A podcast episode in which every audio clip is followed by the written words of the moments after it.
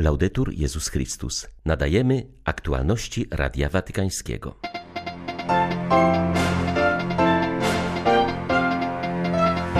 Jak można nie rozumieć, że wojna powoduje jedynie zniszczenia i śmierć, zabija prawdę i dialog, mówił Franciszek na Anioł Pański, apelując do wspólnoty międzynarodowej o wznowienie negocjacji w sprawie pokoju na Ukrainie.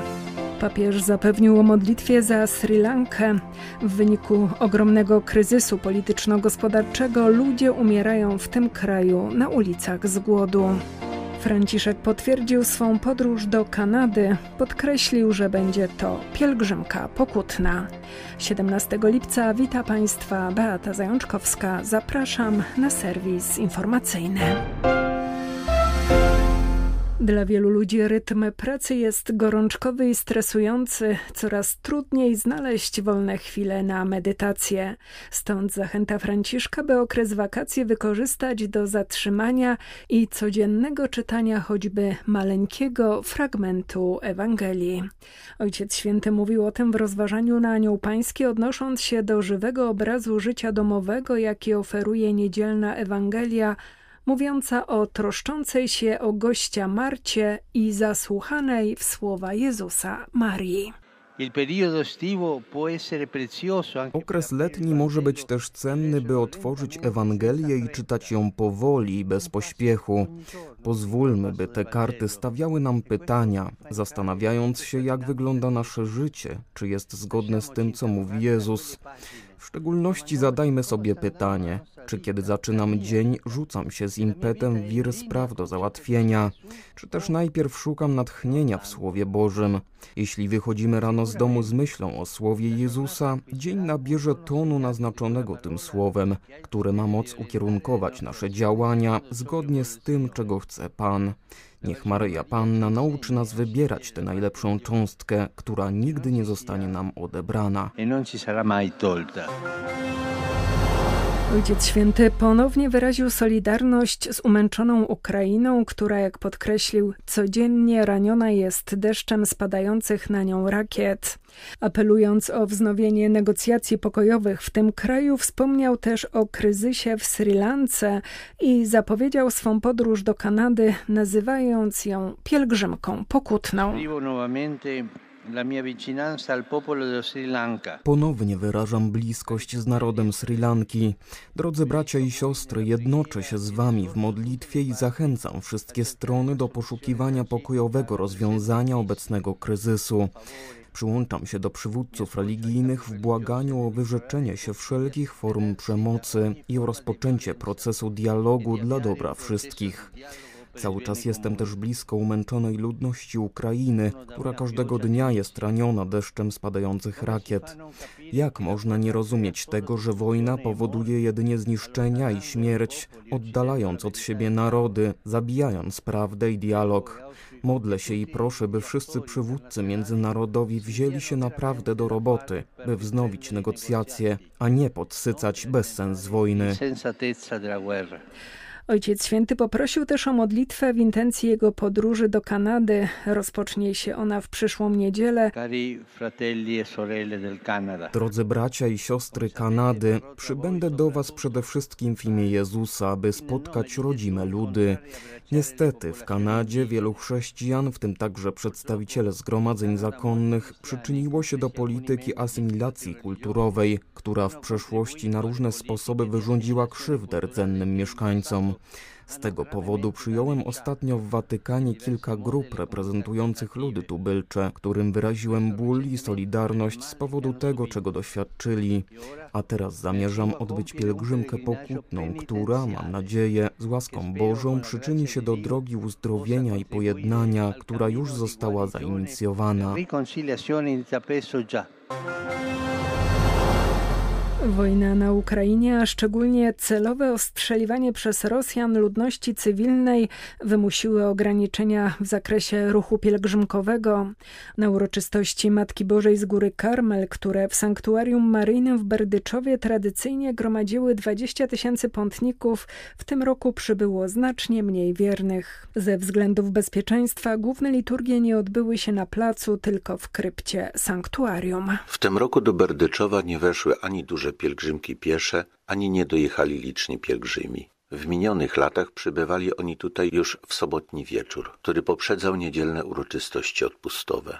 Wtedy to na placu przed sanktuarium odbywało się powitanie pielgrzymów i msza święta. Decyzją ordynariusza kijowsko-żytomierskiego biskupa Witalia Krywickiego w tym roku zmieniono zasady pielgrzymowania. Przez ostatnie dziewięć dni do sanktuarium wchodziły mniejsze, podzielone na małe grupy pielgrzymki dekanalne. Wyjaśnia to biskup Krywicki. I w taki sposób chcieliśmy nie skreślić tą pielgrzymkę, nie skreślić tą uroczystość, ale rozciągnąć ją w czasie, aby wszyscy ludzie jednak mogli dostąpić do sanktuarium, mogli zaczerpnąć tej łaski i przede wszystkim zachęcamy i błagamy wszystkich o taką bardziej gorącą modlitwę, o to zwycięstwo dla Ukrainy, o nastanie tego pokoju, ale mówimy sprawiedliwego pokoju, którego tak dzisiaj potrzebujemy.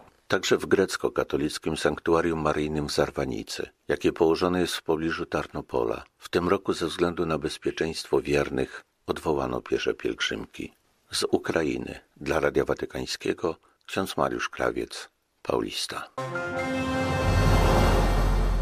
Pogarsza się sytuacja na Sri Lance. Potężny kryzys gospodarczy, który zdziesiątkował kraj, spowodował także kryzys polityczny. W tym tragicznym położeniu Kościół stara się pomagać najbardziej potrzebującym. Ludzie umierają z głodu na ulicach, mówi siostra Giovanna Fattori. Wskazuje, że kondycja kraju jest gorzej niż fatalna. Brakuje żywności, nie działają szkoły, szpitale albo są zamknięte, albo nie mają środków na leczenie mówi misjonarka, która na Sri Lance opiekuje się niepełnosprawnymi dziećmi. W ostatnich miesiącach zniszczona gospodarka doprowadziła do klęski wielu ludzi. Historie cierpienia i śmierci można by opowiadać tysiącami. Myślę choćby o niemowlęciu, które zmarło w ramionach matki, bo przez brak środka transportu nie mogło trafić do szpitala. Kryzys gospodarczy rzucił kraj na kolana. Ogromny dług publiczny, który zaciągnął rząd, wygenerował gwałtowny wzrost inflacji, który podniósł ceny podstawowych środków do życia. Najbardziej ucierpieli biedni, ostatni ci, którzy już od lat ledwo byli w stanie przeżyć. 90% populacji jest w skrajnie trudnej sytuacji. Kościół stara się być mediatorem pokoju i nieść pomoc. Biskupi i księża wsłuchują się w cierpienia ludności, załatwiają ryż, soczewice, cukier, mąkę. Ostatnio wraz z imamami i buddystami zorganizowali też na rzecz pojednania pokojową demonstrację. Na Haiti w wyniku walk między ciężko uzbrojonymi gangami w Port-au-Prince zniszczonych zostało kilka dzielnic. Zabito 89 osób, a blisko 20 jest poszukiwanych. Ofiary to w większości cywile. Przemoc i brak bezpieczeństwa są naszym codziennym losem, powiedział stołeczny arcybiskup, przestrzegając przed dyktaturą gangów. Na pogrążonym w chaosie Haiti mieszkańcy pozostają zakładnikami gangów. Jak zaznacza Krajowa Sieć Obrony Praw Człowieka od 2020 roku, kiedy utworzony został syndykat przestępczy zrzeszający dziewięć głównych grup kryminalnych, nie ma miesiąca bez terroryzowania ludzi. Obecny atak jest trzecim o charakterze masowym. Według raportu w ostatnich walkach 74 osoby zostały postrzelone, z czego większość śmiertelnie, zaś 21 spalono żywcem. Zniszczonych zostało około 130 domów. Jak zaznacza organizacja, władze nie utrudniają przestępcom ich działań. Rząd wręcz wykorzystuje wojnę gangów, by w kraju utrzymać atmosferę terroru. Zbrodnie i bezczynność władz zgromił także ordynariusz Port-au-Prince. Ciała osób zabitych podczas starć są porzucone na ulicach, a mieszkańcy wciąż wdychają zapach zmarłych, napisał arcybiskup Mezidor. Zaapelował o działanie zarówno do władz, jak i społeczności międzynarodowej. Kościół w Singapurze świętował 200 lat obecności w tym małym wyspiarskim kraju. Mówiąc o priorytetach pracy w Azji, kardynał nominat arcybiskup William Go wskazuje na młodzież. Jak mówi, młodzi ludzie nie szukają tylko dobrze płatnej pracy, ale celu i sensu w życiu. Wiara i Kościół są tu wciąż czymś nowym, możliwości ewangelizacji są wielkie, stwierdził ordynariusz Singapuru. Ludzie są tutaj bardzo dobrze wykształceni, także katolicy. Dlatego mają wysokie wymagania w stosunku do księży, do ich głoszenia, nauczania. Oni chcą wiedzieć więcej, szukają, chcą rozwijać się w wierze. Jest też oczywiście starsza generacja, która jest bardziej dewocyjna. Młodsi chcą odkrywać wiarę. Są bardzo aktywni w kościele, ale także w życiu politycznym. Mają na społeczeństwo wielki wpływ, ale robią to w sposób azjatycki, są uprzejmi, nie robią hałasu. Świadczymy o wierze zamiast protestować przeciw czemuś. Ale myślę, że Azjaci są generalnie nastawieni dość religijnie. Wiemy, ile znaczy dostrzegać sakrum, Boga w naszym życiu.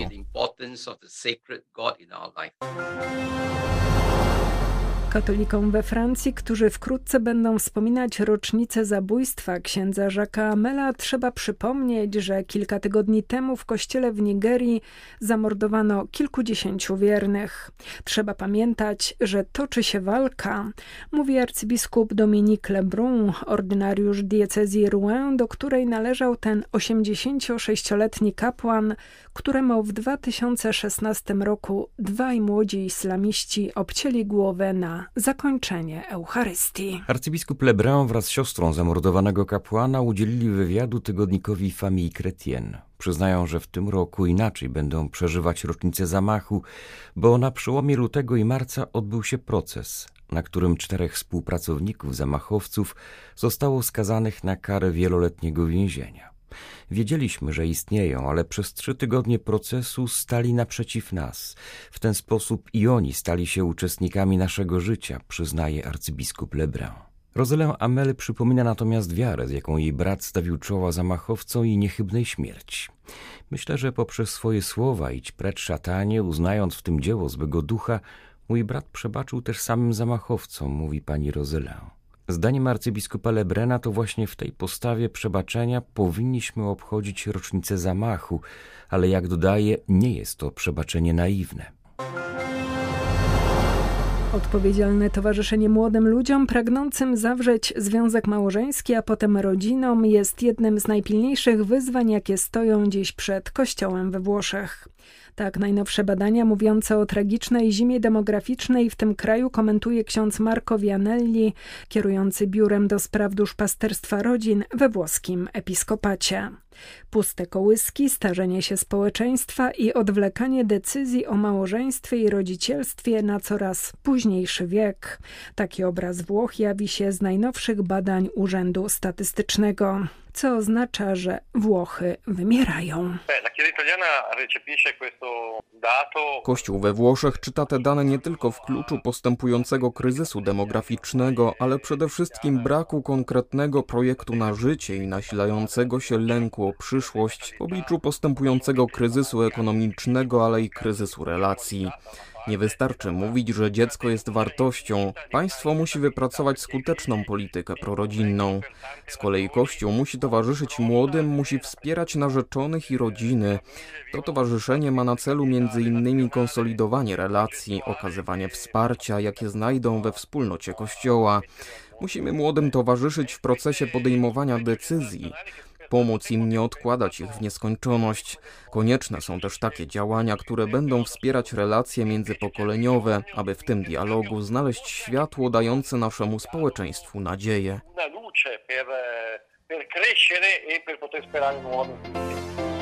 Były to aktualności Radia Watykańskiego. Laudetur Jezus Chrystus.